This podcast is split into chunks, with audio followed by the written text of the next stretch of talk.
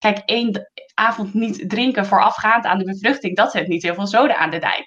Bij mannen is het juist echt bijna een langere periode, bijna wel drie maanden, dat ze gezond preconceptioneel gedrag moeten vertonen om de kwaliteit echt te optimaliseren. Ehm, dus ja, daar is zeker werk aan de winkel.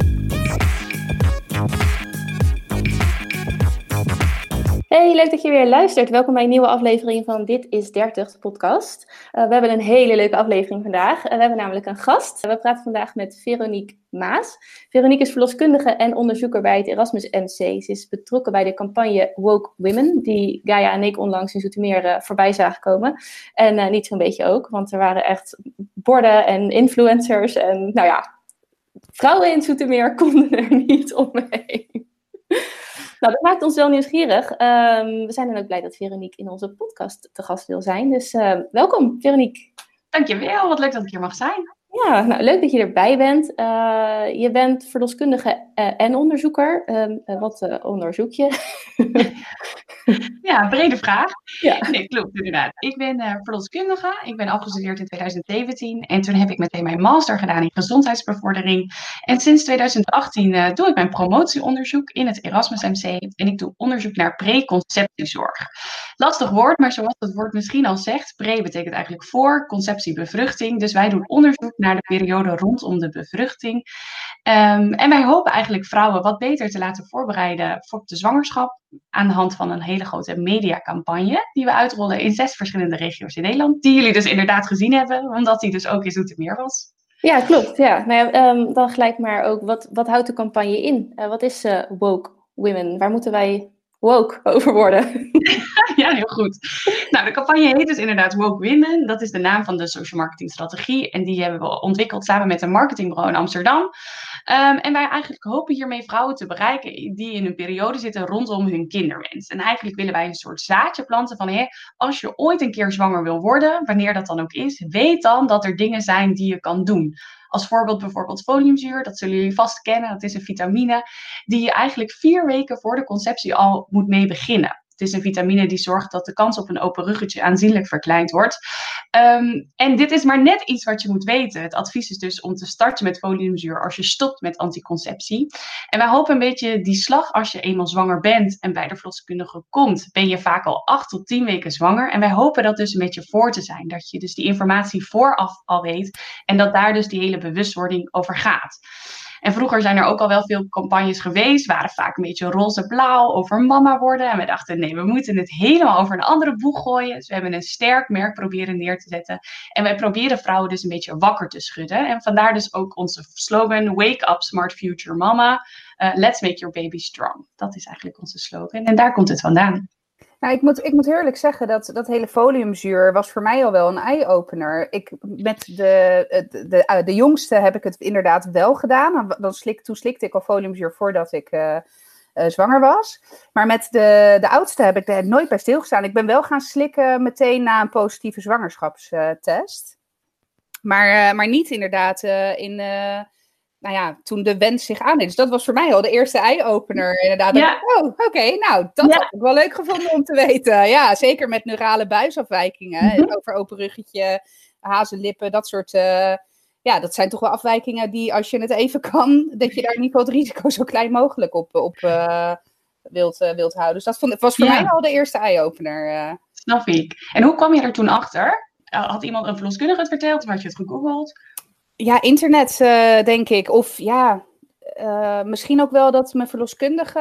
Oh, oh, ik zie hier Eileen er vinger op steken. Oh, ja, misschien ook wel via mij. Ja, nou, nee, nu je het zegt. Want volgens mij heb ik van jou toen een potje foliumzuur gekregen. Toen jij, uh, toen jij zwanger was van, van de jongste. Nee, dat klopt, ja. Ja, ja, ja, nee, ik, uh, ik ben per, van, van nature al super geïnteresseerd in hoe het allemaal werkt. En dan ga ik mhm. het helemaal uitpluizen.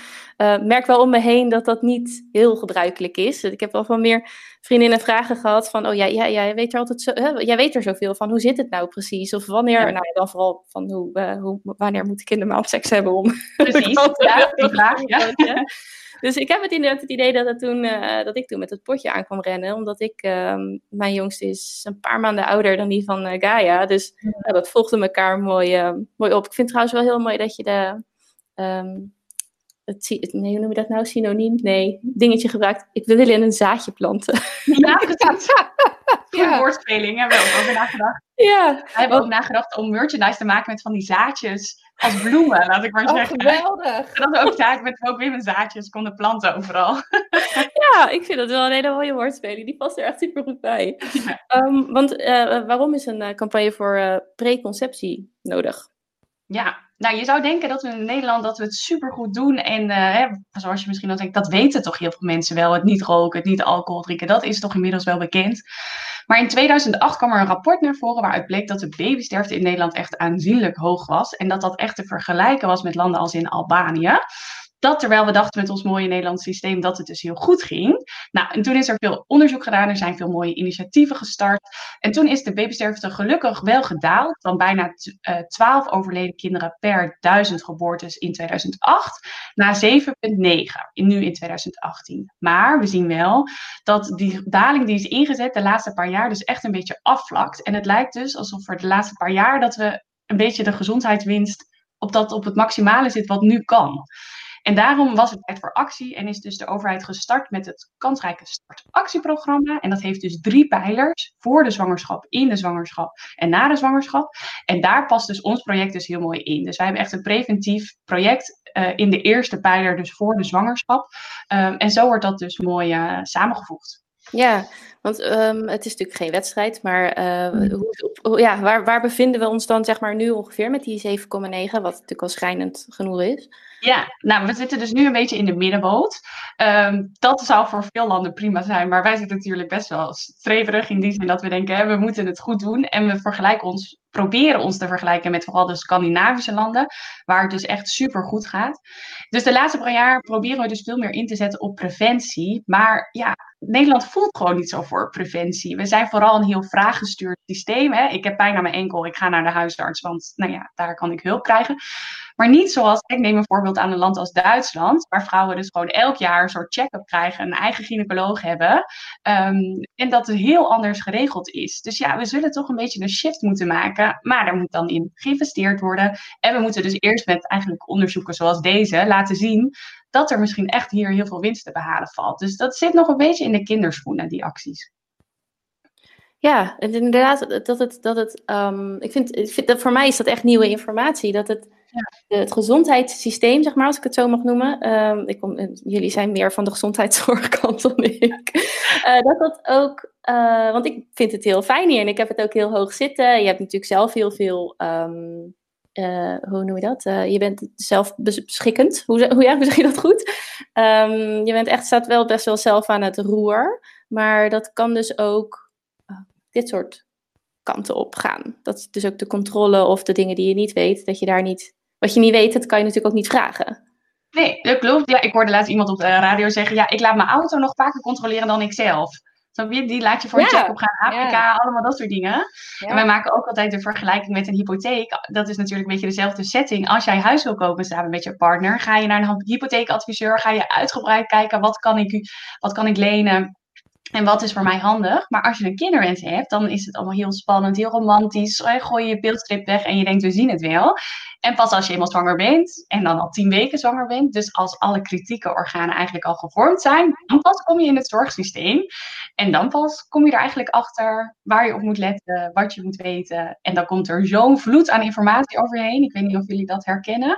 Je moet meteen kraamzorg regelen, wat je allemaal... Mensen lopen zo beduust de intake altijd uit met, oké, okay, wat is er gebeurd?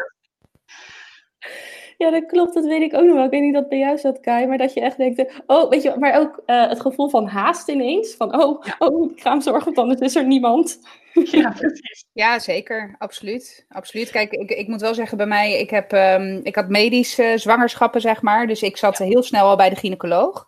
Um, maar het hele uh, signaal van, of tenminste hoe ze dat in Duitsland doen, dat je gewoon inderdaad eigenlijk een een jaarlijkse check-up hebt. Ja, ik vind dat echt fantastisch. Dat was voor mij ook inderdaad een eye-opener. En, en hoe je dat ook schetst, ja. Ik ga ook altijd maar pas naar een arts als ik ergens last van heb. Maar dat hele voorkomen is beter dan genezen. Die afslag hebben we volgens mij even gemist, inderdaad. Uh, in Nederland, maar nooit bij stilgestaan. Want ik had ook altijd inderdaad, en niet dat ik nu meteen de Nederlandse gezondheidszorg, uh, hè, dat ik daar een bom op wil leggen. Maar ik denk wel, ik denk, ik denk, ik had dat echt wel, ik had het ook heel hoog zitten. Uh, over, nou, dat hebben we in Nederland allemaal zo goed geregeld. Ik bedoel, ik ben Italiaans, ik heb ook heel veel familie in Italië wonen. En ik ga altijd praten op ons Nederlandse zorgstelsel. Mm. Omdat ik denk, ja, jullie daar, weet je wel. Maar ja, maar ook daar moet ik heel eerlijk zeggen, is, is een jaarlijkse check-up, en niet alleen gynaecologisch hoor, maar overal, ja, is eigenlijk eerder de norm dan de uitzondering. Dus ja, interessant. Komt zoiets nou ook terug in de uh, opleiding tot verloskundige en zo? Is dat, wordt dat als, pro, als, als die preconceptie ook al als probleem in dit soort opleidingen gezien? Het zit heel erg in de opleiding. Wel gezondheidsbevordering in het algemeen, maar vaak al vanaf de zwangerschap. Dus je krijgt helemaal um, les in motivationele gesprekstechnieken. Over hoe je iemand bijvoorbeeld die rookt, dat je helemaal naar de kern gaat. Waarom rook je? Wat zijn nou, uh, wat beweegt jou nou? Dat leren we wel, maar er is eigenlijk gewoon heel weinig tijd voor om dat ook uitgebreid te doen.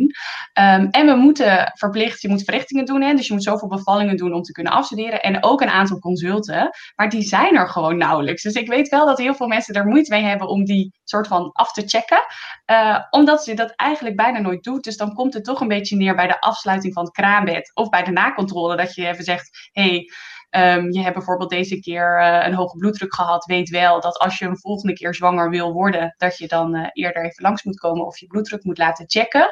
En dan wordt dat dan afgecheckt. Oh, ik heb een preconceptiezorgconsult ja. gedaan. Terwijl dat is ja, natuurlijk gek niet... eigenlijk. Nee. Ja. Kai, weet, je, weet jij dat je preconceptieconsulten kunt doen? Nee geen, nee, geen idee. Ik had echt werkelijk geen idee. De nee. verloskundige is voor mij, ik weet nog wel dat ik, oh, weet je wel, je bent dus zwanger, dus je, je gaat eindelijk die wereld in. Wat interessant, weet je wel. Dus het hele feit dat je, je hebt ook een beetje het gevoel, weet je, als het allemaal goed gaat en je hebt een positieve zwangerschapstest, dan ga je niet gelijk bellen, want ja, je mag, mag dus, ik doe even uh, air quotes hier, dat zien jullie niet, maar dan vertel ik tegen mij, je mag pas met acht weken terecht. Dus dat voelt ook ja. een soort van, laat staan dat je uh, precon, preconceptueel. Conceptioneel, ja, bijna. Preconceptioneel um, bij de verloskundige langs gaat. Maar dat, dat kan dus gewoon. Ja, zeker. Dat heet het kinderwenspreekuur. Dat bieden bijna alle verloskundigen aan. Het is ook vaak gratis, wordt vaak ook gedekt, nou, een beetje afhankelijk hoe je verzekerd bent. Um, maar ja, dat zoals het al zegt, het loopt niet zo, omdat het gewoon niet zo bekend is. Um, en nou ja, wat je ziet, dus het bestaat echt wel een heel aantal jaar. De vrouwen die komen zijn of uh, lukt niet om zwanger te worden. Dus die zijn vaak al een jaar bezig en die willen daarover tips. Of ze doen het zo goed en willen een schouderklopje en willen eigenlijk alleen maar weten: wauw, ja, jullie zijn echt goed bezig. Ja, en dat is niet de eh, doelgroep die je wil bereiken, natuurlijk, uh, met zo'n ja. spreekuur. Ja. ja, die eerste natuurlijk ook wel, want je wilt ze natuurlijk helpen. Het is een vervelende periode en misschien, um, het is, ja, ik kan me voorstellen dat je er heel erg zoekende ook bent. Dat je misschien ook een beetje schuldgevoelens krijgt of denkt: hey, wat doe ik in hemelsnaam fout? Um, dus die is zeker goed om te hebben. Maar ja, die verwijs je op een gegeven moment ook gewoon door naar de gynaecoloog. Of dan kan je meer testen doen of zoiets. Um, maar die tweede groep natuurlijk wat minder. Nee, dus het is inderdaad lastig om de doelgroep sowieso goed in kaart te brengen. Want zoals we al eerder zeiden, het is heel privé, het is heel geheim. Je bespreekt het niet zo. Dus ja, dat is voor ons ook een uitdaging natuurlijk. Ja, ja maar dat is natuurlijk ook een beetje de vibe die er, die, die er is. Het is echt iets van je samen. Dus, um, maar dat, dat is dan wel in, in vanuit jouw kant gezien echt een, een, uh, een obstakel waar je echt tegenaan loopt. Ja, het staat natuurlijk niet groot op je voorhoofd. Hè? Wij zijn bezig met het krijgen van kinderen. Dus ja, dan is het heel moeilijk om ook speciaal die vrouwen deze informatie toe te geven. Dus wij hebben dus eigenlijk ervoor gekozen om het maar heel breed in te zetten op vrouwenzorg in het algemeen. En dat we zeggen dat dit eigenlijk iets is wat elke vrouw moet weten. En dan kan je natuurlijk naar iedereen in de vruchtbare fase, dus laat ik zeggen tussen de 18 en de 40, proberen te bereiken met dit soort uh, boodschappen. Maar dan denken ze natuurlijk weer heel vaak dat, dit niet, dat zij niet de doelgroep zijn. Dat voelen ze zich niet echt aangesproken met die boodschap. Dus daar hebben wij ook lang mee uh, geworsteld. En uh, ja, daarom hebben wij ook expres een marketingbureau in de arm genomen. En dan zijn we het niet zelf gaan uitzoeken als onderzoekers. Maar hebben we dus juist dat uitbesteed. Ja, ja slim. En ja. wat mij betreft, tot, voor, vooralsnog werkt het. Want je hebt in ieder geval twee vrouwen we zitten niet echt meer in We de... zitten niet meer in de preconceptionele fase. nee. Fase. Maar- Nee. maar, Nee, oh, maar wel dat- gaaf dat jullie het zoveel gezien hebben en zo. Want dat is voor ons natuurlijk echt het doel. Dat je het op zoveel manieren, verschillende kanalen ziet. Dat je denkt, dat is dit nou toch de hele tijd wat ik zie? En dat je het eens gaat googlen. Of dat je op onze site komt of via via. En denkt, oh, oké. En sommigen denken, nou, dit is nog lang niet voor mij. Maar hè, prima, je weet dat er wat is. En anderen die gaan iets beter kijken. En soms krijgen we ook van, ja, dit was echt het setje wat ik nodig heb. Ik heb mijn vriend achter de computer gezet. En nu gaan we een afspraak maken. Nou, kijk, dat is dus mensen waarvan je het niet wist. Maar wel denkt, ja, nu hebben we het voor elkaar. Ja. Ja, want je hebt, ehm, ik zag het inderdaad op, eh, eh, hoe noemen die, die two-signborden, die stoepborden, zeg maar, die eh, op dingen staan. En, ehm, maar ook veel op eh, social media. En in die zin vooral door een aantal ehm, influencers die, je hebt, die, die, die jullie Ja. hebben gevraagd. Maar wat vind je van social media? Ja, het is een beetje een brede vraag, maar wat vind je van de rol van social media in de gezondheid? Ehm, voorlichting, hoe, ja, hoe mensen dat inzetten. Is het, Ja. is het fijn of juist Ja, niet? ik denk eigenlijk dat het zeker wel een geschenk is eerder dan een valkuil. Ik denk dat het een heel laagdrempelig medium is. Ik vind Instagram zelf ook vooral een vrolijk, positief medium. Het gaat vaak over eh, foto's natuurlijk, mooie foto's vaak natuurlijk. Eh, in vergelijking met bijvoorbeeld een Twitter of een Facebook, waar vaak hele verhalen gaan over een verloren kat of nou, noem maar op. Dus dat is natuurlijk hele an- dat is een iets andere insteek. Ehm, en ik denk juist dat je veel ook leuke interactie kan krijgen. Je kan mensen zoeken die je precies zoeken, die ook een beetje in jouwzelfde straatje zitten. Er zijn ontzettend veel mama-bloggers of mensen met kraamzorg. En ook heel veel mensen in een fertiliteitstraject die hele grote Instagram-pagina's hebben. Ehm, en via internet is het natuurlijk wel een beetje anoniem. En kan je natuurlijk anoniem een beetje zoeken. Wat is er nou? Wat bestaat er nou? En ik denk dat het in die zin een goed medium is in vergelijking met posters of flyers, wat we ook doen. Maar dat is een stuk vluchtiger. Je weet gewoon niet hoe lang dat blijft. Mensen vinden dat vaak vervelend, dat het dan ligt door de zaak. Dus ik denk dat als je leuke content maakt en leuke samenwerking doet, dat het in principe een heel leuk eh, platform is en potentie heeft om eh, elkaar te goed te kunnen vinden. Ja, Ja, ik denk, en ik denk ook dat als je kijkt naar de, de, de doelgroep, zeker wat betreft de leeftijd hè, van, van de vruchtbare vrouw, ik denk dat dat dan ook, dat social media, maar goed, dat zeg ik als nieuwpoor, maar wel echt een, een, een middel is bij uitstek. Ik zie Eileen al lachen. maar eh, dat dat wel even mezelf buiten beschouwing laat. eh, een, eh, een, een tool is bij uitstek, inderdaad. En ik denk ook dat je met die anonimiteit wel nu een, een snaar raakt, omdat ik, ik weet nog wel, de, de eerste keer dat ik naar de gynaecoloog ging, eh, dat ik daar in die wachtkamer zat en ik kwam daar iemand tegen die ik kende. Oh ja. Ja, en, en dan denk je, oh jee, en je zit inderdaad niet in, eh, bij het bloedprikken, weet je, je zit heel duidelijk op de afdeling gynaecologie, dus je weet dat er, zeker als je dan in die leeftijdsfase zit, dat je ziet die anderen ook denken, oh, oké, weet je wel. Ja. Ehm, en dat, ik denk vooral dat het anonieme ervan, dus dat je er inderdaad wel al soort van stiekem mee bezig kan zijn. Eh, dat, het beeld wat je schetste van, oh, ik heb mijn vriend gelijk achter de computer gezet. En weet je, Ja. dan, dat is, houdt ook wel misschien een beetje dat, dat samen en romantische wat meer intact dan dat je zo'n flyer meepakt van eh, je lokale groentewinkel, even bewijs van. Ja, Ja, nee, zeker. dat je zeg maar de allerhande hebt en dan daarnaast een Ja. conceptieflyer. Ja, klopt. Nou, ook wat Aileen al zegt, met die lokale ambassadeurs noemen wij ze dan. Dat is echt een superleuke manier om die vrouwen. eh, we zijn dus in elke regio op zoek naar nou ja, ongeveer vijf vrouwen midden in de samenleving met een groot bedrijf of een eigen onderneming. Die het leuk vinden om een lokaal gezicht van ons te zijn. Wij zijn natuurlijk best extern en wij vinden het juist heel leuk om te zoeken naar die lokale verbindingen, die lokale initiatieven die er al zijn. Omdat je dan als inwoner, nou in dit geval van Zoetermeer, ook denkt: oh, dat is gewoon hier in mijn stad. En het zijn gewoon de, eigenlijk de vrouwen om me heen waar ik of tegenop kijk of die een leuk bereik hebben. Ehm, dus zo hebben we, proberen we dus door de stad allemaal leuke woke women draaien te geven aan bepaalde dingen. Ehm, zo hadden we bijvoorbeeld in Barneveld hadden we twee zusjes met een eigen lunchroom. En die hebben dan een woke women broodje een hele week. oh, of geweldig. Woke women power salade of ehm, klasjes. Worden ook heel vaak workouts gegeven. Ik weet niet of je dingen kennen als Mom in Balance. Dat soort dingen zijn ook wel vaak ambassadeurs. En dan eh, doen ze aan de hand van de letters W, O, K en E allemaal workouts. En ze verloten Oh, ja. dingen. Dus zo kan je online best wel veel voor elkaar krijgen. Ehm, als het maar gericht is hè, op voeding of op vrouwen of op dat soort, ja, op, eh, dat soort leuke onderwerpen. Ehm, en dat is voor ons een, een, een uh, gemakkelijke manier om uh, veel vrouwen in een bepaalde regio te, te, benaderen. Dus daar doen we altijd erg ons best voor, een leuke ambassadeurs te zoeken um, en die het leuk vinden om met ons samen te werken. Nou, het mooie is dat als je dat soort type ambassadeurs hebt, die, jullie hebben het, het, op de website een tien, soort tien, nou niet een tien stappenplan, maar tien onderwerpen die je, um, bijvoorbeeld voeding inderdaad en sport en rook ja. alcohol, die in de preconceptiefase spelen. Dus als je natuurlijk iemand over voeding hebt, kun je daar ook heel snel die verbindingen mee maken. Ja, absoluut. Ja, zo dus voeding en bewegen is inderdaad ook een hele goede. Maar met die zusjes kan je het bijvoorbeeld ook weer hebben over erfelijkheid. Um, ja. Zo, uh, ja, zeker. En onze droom is later ook om bijvoorbeeld ergens een, een vrouw met een eigen kroeg te hebben, die dan bijvoorbeeld een alcoholvrij biertje op de tap kan krijgen voor ons. Het oh. binnen biertje. Dus zo proberen we op een creatieve manier aan de hand van die punten uh, heel veel ingangen te vinden. Ja, het is ook mooi omdat het dan uh, ook direct een plek, krijgt, plek krijgt in het dagelijks leven van iemand. Ja, absoluut. Of, of je kan, en net kun je soms even dingetjes net wat anders doen, waardoor het gewoon ja, smarter mama's uh, ja. uh, zijn. Ja. Ja. Um, we, we, hebben de mannen al een klein beetje aangestipt. De ene trok de vriend erbij, de ander. Hè? Maar hoe, um, nee, is er überhaupt conceptiezorg voor mannen in Nederland? Nou, het is er in die zin dat mannen vaak meegaan naar het kinder- en spreekuur. Dus dat is er. En er bestaan ook stiekem meer leefstijlprogramma's dan dat, je, dan dat we denken.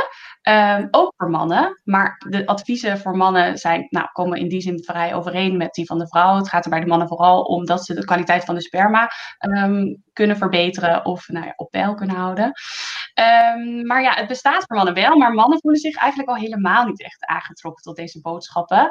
en vinden het vaak ook heel spannend.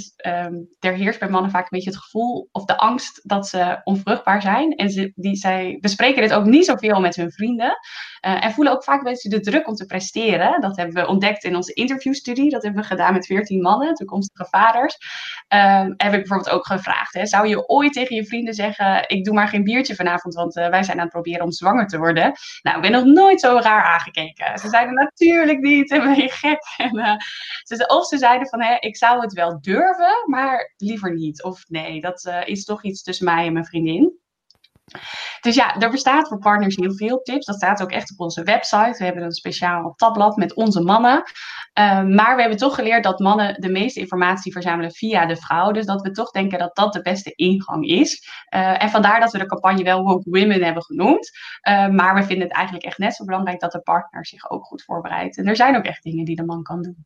Ja, want even inderdaad voor heel, om heel duidelijk te zijn. Het is ook echt, um, de man heeft ook echt een invloed op Uh, Absoluut. Gezonde conceptie, gezonde baby's. Uh, um, dat het allemaal, zij, moeten, zij kunnen ook echt een rol daarin spelen. Het is niet dat het zomaar allemaal. Uh, kijk, ze hebben toch 86 miljoen zaadcellen per lozing of zo. Ja. Gaat er wel om te zorgen dat die alle 60, 80 miljoen ook de beste start krijgen. Ja, nou, mannen kunnen ontzettend veel doen om de spermakwaliteit te verbeteren. Denk inderdaad aan het, het stoppen met alcohol, uh, maar ook uh, eventueel drugs kan invloed hebben. Het gebruik van anabonen, leefstijl in het algemeen, overgewicht heeft daar invloed op. Meer, dus ook hè, meer bewegen is ook een goede. En er wordt steeds meer onderzoek ook naar gedaan wat, wat dat allemaal invloed heeft daarop. dus ja, zeker. En wat ook nog belangrijk is om te weten, is dat mannen, kijk, één avond niet drinken voorafgaand aan de bevruchting, dat zet niet heel veel zoden aan de dijk. Bij mannen is het juist echt een, bijna een langere periode, bijna wel drie maanden, dat ze gezond preconceptioneel gedrag moeten vertonen om de kwaliteit echt te optimaliseren. Uh, dus ja, daar is zeker werk aan de winkel. Ja, oh nou, inderdaad. Kom op mannen. Als je dat zou vragen? Ik denk het wel, denk maar het Omdat, omdat, omdat ik het vraag. Ja. En omdat ik het belangrijk vind. Dus wat dat betreft schiet je, schiet je raak met, met die richten op de, op de vrouwen. En, uh, want ja, hij zou, hij zou het wel doen. Drie maanden is dan lang. En daarna, je bent natuurlijk niet, tussen natuurlijk, niet altijd meteen zwanger. Nee. Dus het zou ook nog eens een jaar kunnen zijn. Dat ze echt, uh, ja, ja, daar zal wel... Uh, het, het is echt dan inderdaad, oké, okay, omdat jij het vraagt. Omdat jij zegt dat het blijkbaar belangrijk is. Ja. Um, ik denk als je misschien een man hebt die wat eigenwijzer is. Of, of gevoeliger voor druk. Of um, um, sociale gelegenheden heel belangrijker vindt, dat het wel lastiger kan zijn. Ik weet niet hoe dat bij jou zit, Kai. Ik kan het wel een beetje invullen, maar... Ja, ik denk, het, ik denk hetzelfde. Ik denk dat, dat als ik het aan mijn vriend zou vragen, dat hij dan meteen zou zeggen, oh ja hoor, prima. Mhm. Maar het is in ieder geval niet iets wat uit hemzelf, maar niet vanuit onwelwillendheid, maar inderdaad vanuit een gebrek aan kennis. En überhaupt uh, kennis met betrekking tot de impact van zijn zaad, zeg maar. Ja, ja even als ik hem heel, uh, heel plat uh, sla. En, en ik moet ook heel eerlijk zeggen dat ik, dat ik mij daar ook niet heel erg bewust van was. Nee. Je, weet, je weet dat de, de, de man verantwoordelijk is voor het X dan wel Y-chromosoom. Dus hè, of je een jongetje of een meisje krijgt. Um, en je weet wel, en zeker wanneer er fertiliteitsproblemen zijn, weet je dat ook er naar de kwaliteit van het zaad van de vader, de, de, de toekomstige vader wordt gekeken. En dat dat ook wel eens problemen met zich mee kan brengen. Ja. Maar je, ik heb er nooit bij stilgestaan dat ook de kwaliteit, zeg maar, op die manier. Maar en vooral ook hoe lang. Dus wat je er net zegt, van ja, het heeft niet zo heel veel zin om de avond van tevoren dan even dat biertje te laten staan. Ja. Maar het heeft inderdaad ook wel impact. Want als jij inderdaad, ik, ik schets maar wat, uh, voetbalt en iedere zaterdag uh, de derde helft uh, met je maten speelt en standaard een biertje drinkt. Ja. ja. en dan ineens drink je geen biertje meer. Ja, wat ga je je vrienden vertellen dan? Ja, dat probeer dat maar te verkopen. Ja, precies. dat is net zoals, nou, dat is niet hetzelfde, maar dat, ook als je dan zwanger bent en je wilt het nog niet vertellen, dat je dan niet drinkt. Dat je gelijk al die verhalen over je heen krijgt. Dat vind je als vrouw ook niet, niet altijd leuk. Nee, het is lastig hè, die periode. Ja, ja. je zit, die, die mannen die zitten dan ook nog best in een, in een, in een, lastige situatie. Maar ja. hebben ze ons om hen daar doorheen te helpen. Precies. maar hoe, um, uh, dus de mannen die kunnen voornamelijk dus door hun vriendin of vrouw erbij betrokken worden. Ja. Uh, maar goed, ook zij hebben natuurlijk geen, nou ja, hun equivalent van een gynaecoloog die ze dus eens in de zoveel tijd spreekt. Dus is het Denk je voor nu de enige manier of hebben we nog andere wegen in Nederland waarop mannen bij de preconceptie betrokken kunnen worden? Ja, goede vraag. Ik vroeg inderdaad ook aan die mannen hoe ze zich hadden voorbereid. Ze kwamen heel vaak met een boek, het boek van Kluun over vader worden, dat ze oh die vaak kregen. Maar toen ik heb mijn vrouw zwanger gemaakt. Ja, ja ik heb hem ook liggen. Ja, oh, wat goed. Maar deel zijn wel meteen, het is ook wel ontzettend stereotyperend. Want volgens mij begint hij met, hè, um, zit je net je favoriete voetbalwedstrijd te kijken, uh, gaat je vrouw bevallen? En toen moeten mensen heel vaak lachen, maar dan denken ze wel, ja, wat als je nou niet van voetbal houdt of zo, snap je? Dus het is wel heel erg in hokjes gedacht. Um, dus ja, ik heb wel veel met ze gebrainstormd, hoe en wat. En sommigen kwamen ook wel met een app of zo, dat we dat misschien kunnen maken. Um, dan meer gericht op mannen. Ook veel ervaringsverhalen, dat dat toch wel fijn is om te horen. Maar een man stelde ook voor, er is nu heel veel centering pregnancy, dat je dus echt in een groepje uh, tegelijk op consulten gaat bij de verloskundige. Uh, dus niet in je eentje, maar echt met tien. En dan echt groepsessies, dat er ook veel meer een band ontstaat. En eens in zoveel tijd mag de partner ook mee. Nou, vinden ze helemaal geweldig dat ze mee mogen. Maar toen zeiden ze van, waarom mogen wij ook niet een keer alleen naar de verloskundige? Want ik heb ook vragen en er wordt zoveel naar mijn vrouw gekeken. En ja, ik vind dat ook leuk leuk om dan meer informatie. Dan ben, is ze misschien dan wel zwanger. Maar ook over wat ik kan verwachten, wat ik kan doen bij de bevalling. Dus ja, mannen staan daar wel om te springen, denk ik hoor. Om meer, uh, meer informatie te krijgen en meer erbij betrokken te worden. Ja, überhaupt. Want inderdaad, uh, hoe, het is helemaal niet zo. Want het is echt een, vrouw, het is een ding van de zwangere vrouw. Ja. En uh, dan heb je natuurlijk het puff-puff-klasje, weet je wel, dat wordt al zo weggezet. En daar mogen ze dan ook één keer mee naartoe. En, uh, maar ik weet ook nog wel dat dus die ene keer dat mijn man is meegeweest, toen werd er verteld, toen vertelde die, um, die dame die, die, die uh, zwangerschapsschip gaf. Die zei, mhm. ja, je, kan het, je mag de baby aanpakken. Nou, en ik dacht echt, en hij dacht, ja! Weet je wel, maar zonder, dus zonder dat moment, en ook als hij niet mee was geweest, had ik het, had ik het niet aan hem overgebracht, omdat ik echt dacht, hm, dat is, nee. En hij wilde dat super graag. Dus uh, dat ene moment al was al, voor, en dat heeft, hij heeft dus bij de twee bevallingen um, onze kinderen ook aangepakt. Want ja, ik, ik vond het uiteindelijk ook gewoon super leuk. Dus kun je nagaan hoe veel winst of hoeveel leuker of hoeveel gemiste kansen er eigenlijk zijn nu. Nou, zeker, want dat heeft ons ook geïnspireerd, jullie verhaal. Want bij de, de tweede, de jongste, heeft inderdaad ook mijn partner uh, Milo aangepakt.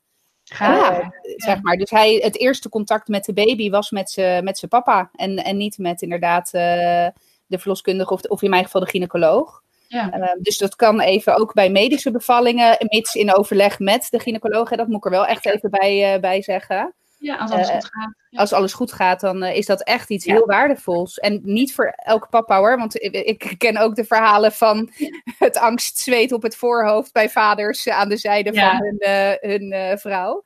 Ja. Maar, um, maar de, op die manier inspireer je elkaar, denk ik wel. En ik denk dat dat ook de kracht is van dit soort, uh, dit soort campagnes uiteindelijk. Ja, ja. ja nou goed, het is niet alleen voor, voor de papa's, maar ook voor mama's, die ook mama's en mama's zijn. Die ja. kunnen dat natuurlijk ook doen. Dus het is echt, uh, het is eigenlijk een soort partner. Meer uitgebreidere partnerzorg of zo moeten hebben. Ja, of misschien inderdaad meer een platform of zo. Of ook waar ze ervaringen kunnen delen. En ook hoe het, ja, iemand zei ook, ja, ik wil niet zo rooskleurig allemaal, maar gewoon hoe het echt is. Wat kan ik nou echt oh. verwachten? En er was iemand en die zei, ja, je moet zoveel dingen doen op zoveel verschillende momenten. Ik ben zelf maar een soort database gaan bouwen met, hè, bij zoveel weken moet ik dit doen. Bij zo... Heel praktisch willen mannen informatie. Ja, prima. Maar hij zegt, ik ben toch niet de enige die dat denkt? Waarom bestaat dat niet al? Waarom is dat er niet? Waarom wordt daar niet over gesproken? En gaat het eigenlijk alleen maar bij vrienden over, ja, gaat het goed met haar? Ja, het gaat goed met haar. Ja, zoveel weken. En dan is het weer klaar. Dus er, valt nog heel veel winst te behalen, denk ik daar. Nou, inderdaad. Ik heb een vraag over hoe je als bestaan, ja, bestaande moeder het beste kan omgaan met. Want je, je, je raadt natuurlijk ook vrouwen aan om bij andere vrouwen te raden te gaan, of bij vriendinnen of moeders, of ja wie dan ook, al bevallen vrouwen. Maar het kan natuurlijk ook andersom, dat wij als nou, experts, tussen mhm. aanhalingstekens, uh, iemand van advies voorzien. Maar ja. Er wordt, ja, het, vragen naar, het vragen naar een kinderwens is helemaal niet zo gebruikelijk. Het wordt ook heel vaak als belastend ervaren. Ja. Heb je dat ook um, mee in je onderzoek uh, ook naar voren gekomen? Of? Ja, Zeker een goede vraag. Dit is wat, we vaak, wat ook vaak veel BN'ers, ook vaak in de media ook zeggen. Van hé, waarom, bijvoorbeeld mijn kindje is nu twee en dan wordt er alleen maar gevraagd wanneer komt de volgende, wanneer komt de volgende. Dat is natuurlijk heel anders. Je kan het op heel veel manieren brengen, denk ik. Ik denk dat je wel juist kan vragen aan iemand die, waarvan je weet dat ze graag nog een tweede zou willen of dat ze ermee bezig is, dat je gewoon een keer een balletje opgooit. Hey, uh, hoe gaat het er eigenlijk mee? Of uh, weet je waar je terecht kan? Of weet je dat er een bepaalde website is waar je informatie kan vinden? Um, ik snap dat je het niet groot op Facebook schrijft. Wij willen kinderen, dat snap ik. Dat hoeft natuurlijk ook helemaal niet. Maar ik zou zeker wel in je hele directe kring of vragen aan iemand die inderdaad al een kindje heeft. Of misschien aan je moeder of je allerbeste vriendin. Dat wel delen, denk ik. Er zijn zoveel. Als uh, niet met het foliumzuur naar jou toe was gerend, hoe had je het anders geweten? Je moet het toch via via te weten zien te komen of online. Dus ik denk dat het goed is om dat taboe een beetje te doorbreken. Zeker ook als het niet lukt, lijkt het me heel fijn om dat ook met iemand te delen. Anders kan de, kunnen de frustraties binnen een relatie ook best hoog oplopen. De druk op elkaar natuurlijk ook dat het moet lukken. Niemand die het weet. Stel het gaat mis, hè, statistisch gezien heeft 1 op de 10 mensen een miskraam. Nou, als jij al meer dan 20 mensen kent die dat nooit heeft gehad, is dat natuurlijk al een beetje opvallend. Wordt natuurlijk ook al niet zo vaak over gepraat. Um, terwijl er heel veel verdriet bij gepaard gaat. Dus ik denk dat het juist goed is om uh, dat meer wel te bespreken met elkaar. Ja, om het ook wat meer uit die taboesfeer uh, te halen. De, het is inderdaad de, de algemene deler is van, joh, we wachten het, de magische 13 mhm. weken af. Hè, en dan komen de, hè, de bombarie op social media. Dan gaan we het iedereen vertellen. De, de, de filmpjes op YouTube met de familieleden die geïnformeerd worden. Ja. Uh, ik moet zeggen, ik heb dat bewust niet op die manier gedaan. Ik heb vrij snel, nou ja, bij jou, bij Eileen heb ik zelfs heel snel nou, ik zal even omschrijven dat ik een bijna natte zwangerschapstest op een foto kreeg uh, toegestuurd. Ja, ja, dat snap ik ook. Kan ik me ook heel goed voorstellen. Dat is toch ook gewoon gaaf om te delen met echt je allerdichtbijse cirkel. Ja, ja, precies. En ook juist, eh, maar ook bijvoorbeeld op mijn werk heb ik het redelijk snel gedeeld. Maar juist ook vanuit de gedachte van ja, wat nou als het inderdaad niet goed gaat? Dan kan ik alle steun en hulp gebruiken die, uh, die er is. En ja. ja. dan hoef ik niet eerst nog te vertellen van oh ja, ik was zwanger en het is fout gegaan. Ja. Dus, dat, dus dat is denk ik ook wel nou, in ieder geval wel mijn persoonlijke ervaring en hey, ieder voor zich. Maar ik heb dat als, en, en ik moet, in mijn geval is het niet misgegaan, dus ik weet ook niet hoe dat, hoe dat is. Maar ja, ik kan me juist wel voorstellen, door dat uit die taboesfeer te trekken, dat je, dat je daar ook echt meer voordelen dan nadelen van ervaart. En inderdaad, weet je, er, en er is een heel verschil tussen een natte positieve zwangerschapstest op Facebook plaatsen of het je meest intieme kring vertellen. Maar het, het hele ja, het hele echt alleen maar voor jezelf en je partner, ja, dat, dat, ja, ik weet niet, daar geloof ik niet zo in. Ja, het kan natuurlijk, het is, het is echt denk ik gevoel, karakter, um, Ja. situatie afhankelijk. Maar ik denk dat het vooral heel belangrijk is om zelf je eigen mening daarover te gaan vormen. Want eh, als ik eh, iemand die vijf weken zwanger is, eh groots op Instagram zie aankondigen, dan denk ik, nou, toen ik wat jonger was, dacht ik, hè? Weet je wel, Mhm. je denkt alleen, oh, ik doe het anders. Maar Ja. zo, je moet dat, ja, weet je, het hoeft niet, voor- wat voor de een geldt, hoeft niet voor de ander te gelden. En als jij wel heel graag met je natte zwangerschapstest staat te zwaaien bij je moeder voor de deur, Ja. die vervolgens daarover eh, je, je tips kan geven of wat dan ook, Ja. dan moet je dat ook vooral doen. Hetzelfde geldt eigenlijk voor inderdaad ook als je bezig bent of kinderen wilt gaan krijgen. Ja. Eh, Het is, het is heel, het is heel, we vinden het allemaal heel normaal. We hebben allemaal zo eh, begrepen van, oh, dat hoor je dus niet te vertellen. Terwijl je eigenlijk bij jezelf te raden moet gaan. Wil ik het niet of wil ik het wel? Het is, het is Ja. niet van buitenaf opgelegd. Eh, Ja. En het- ik denk ook dat het, het heel erg verschilt de manier waarop je het vraagt. Want ik denk dat het voor heel veel mensen een nieuwsgierigheid is. Nou, dan snap ik dat je denkt, eh bemoei je met je eigen zaken. Maar als je het meer, echt, eh, meer eh, informerend bedoelt en ook veel meer elkaar wilt helpen en er voor elkaar wil zijn. Of misschien wil iemand er wel heel graag over praten. Misschien zijn ze al zes maanden bezig en het lukt niet. Dat is natuurlijk heel anders. En ik denk dat dat meer uit de taboe inderdaad moet komen. Ja, dus dan zit het hem in de vraagstelling. Ja, dat denk ik. Ja, niet per, per se eh, inderdaad het nieuwsgierige of grappige willen zijn, maar gewoon eens... Je hebt ook wel eens, je hebt vast wel een keer een, een gouden moment, noem ik dat altijd, waarop je Ja. toch in een bepaald gesprek zit en waarop je zo'n vraag best wel kan stellen. Of in ieder geval kan aftasten.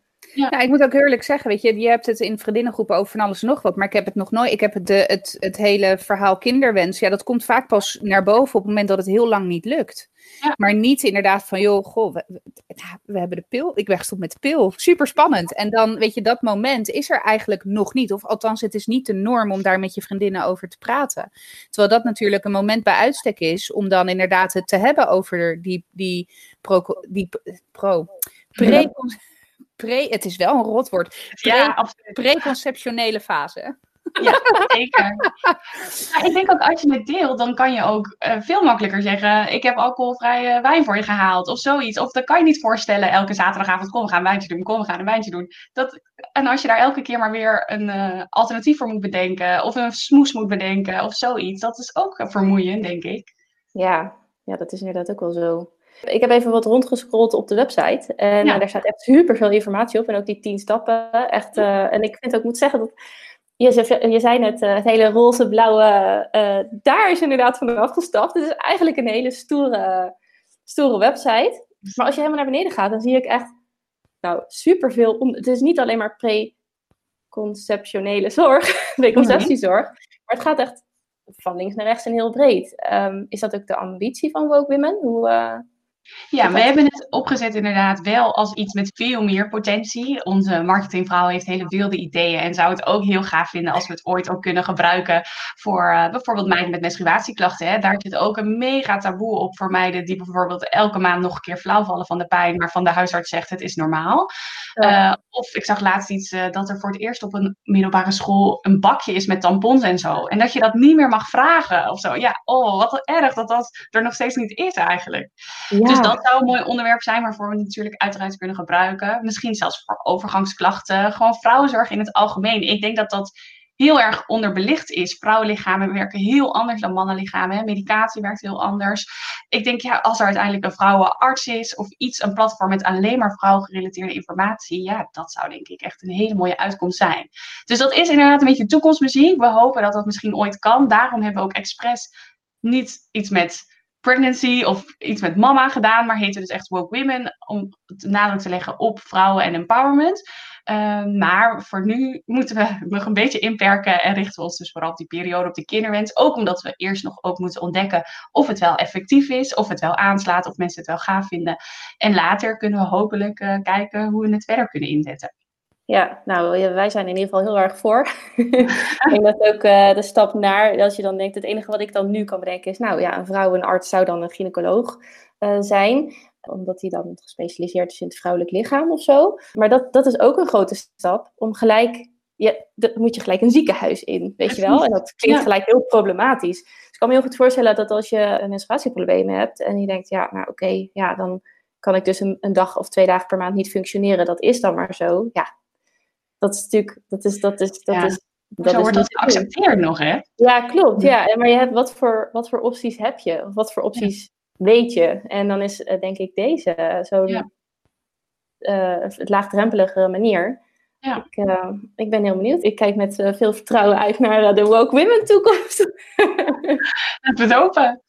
ja. ja, ik ga het gesprek afsluiten. Ik vond het echt super leuk. waar kunnen onze luisteraars of andere vrouwen of mannen natuurlijk Mannen, ook zeker. Ja, zeker. Waar kunnen ze terecht voor ehm, de Woke Women info? Ja, op onze website www.wokewomen.nl. Daar vind je dus eigenlijk alle informatie waar we het ook al over gehad hebben. Vind je dus ook de telefoonnummers van de betrokken verloskundige praktijken die meedoen. Waar je dus ook een afspraak kan maken voor een kinderwensconsult. Zeker ook alle praktijken in Zoetermeer doen mee aan het project.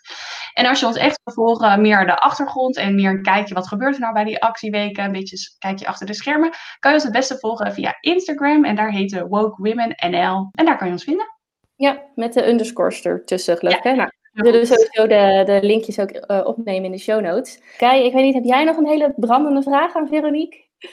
Nee, zeker niet. Ik, het is volgens mij heel, heel helder. En ik denk, dat het, eh, ik denk dat we wel een lange weg te gaan hebben.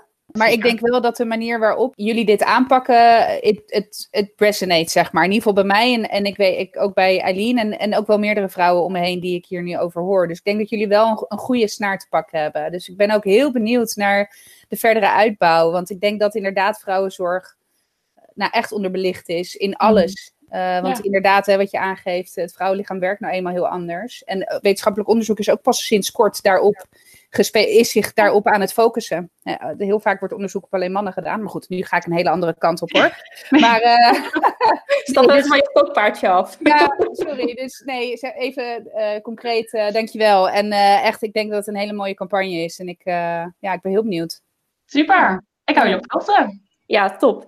Nou, super bedankt uh, Veronique. En de lieve luisteraar, bedankt voor het luisteren. We hopen dat je het weer een leuke en ook leerzame aflevering vond. Je kunt dus nog veel meer informatie vinden op de site van Woke Women. Uh, die link nemen we op in de show notes. Wil je reageren op deze aflevering, dan kun je natuurlijk uh, terecht op ons Instagram-account. dit is 30 podcast. Maar ook op het account van Woke Women. Dus woke-women-nl. Ja. Bedankt voor het luisteren en tot de volgende keer. Doei doeg! Doei! Doei.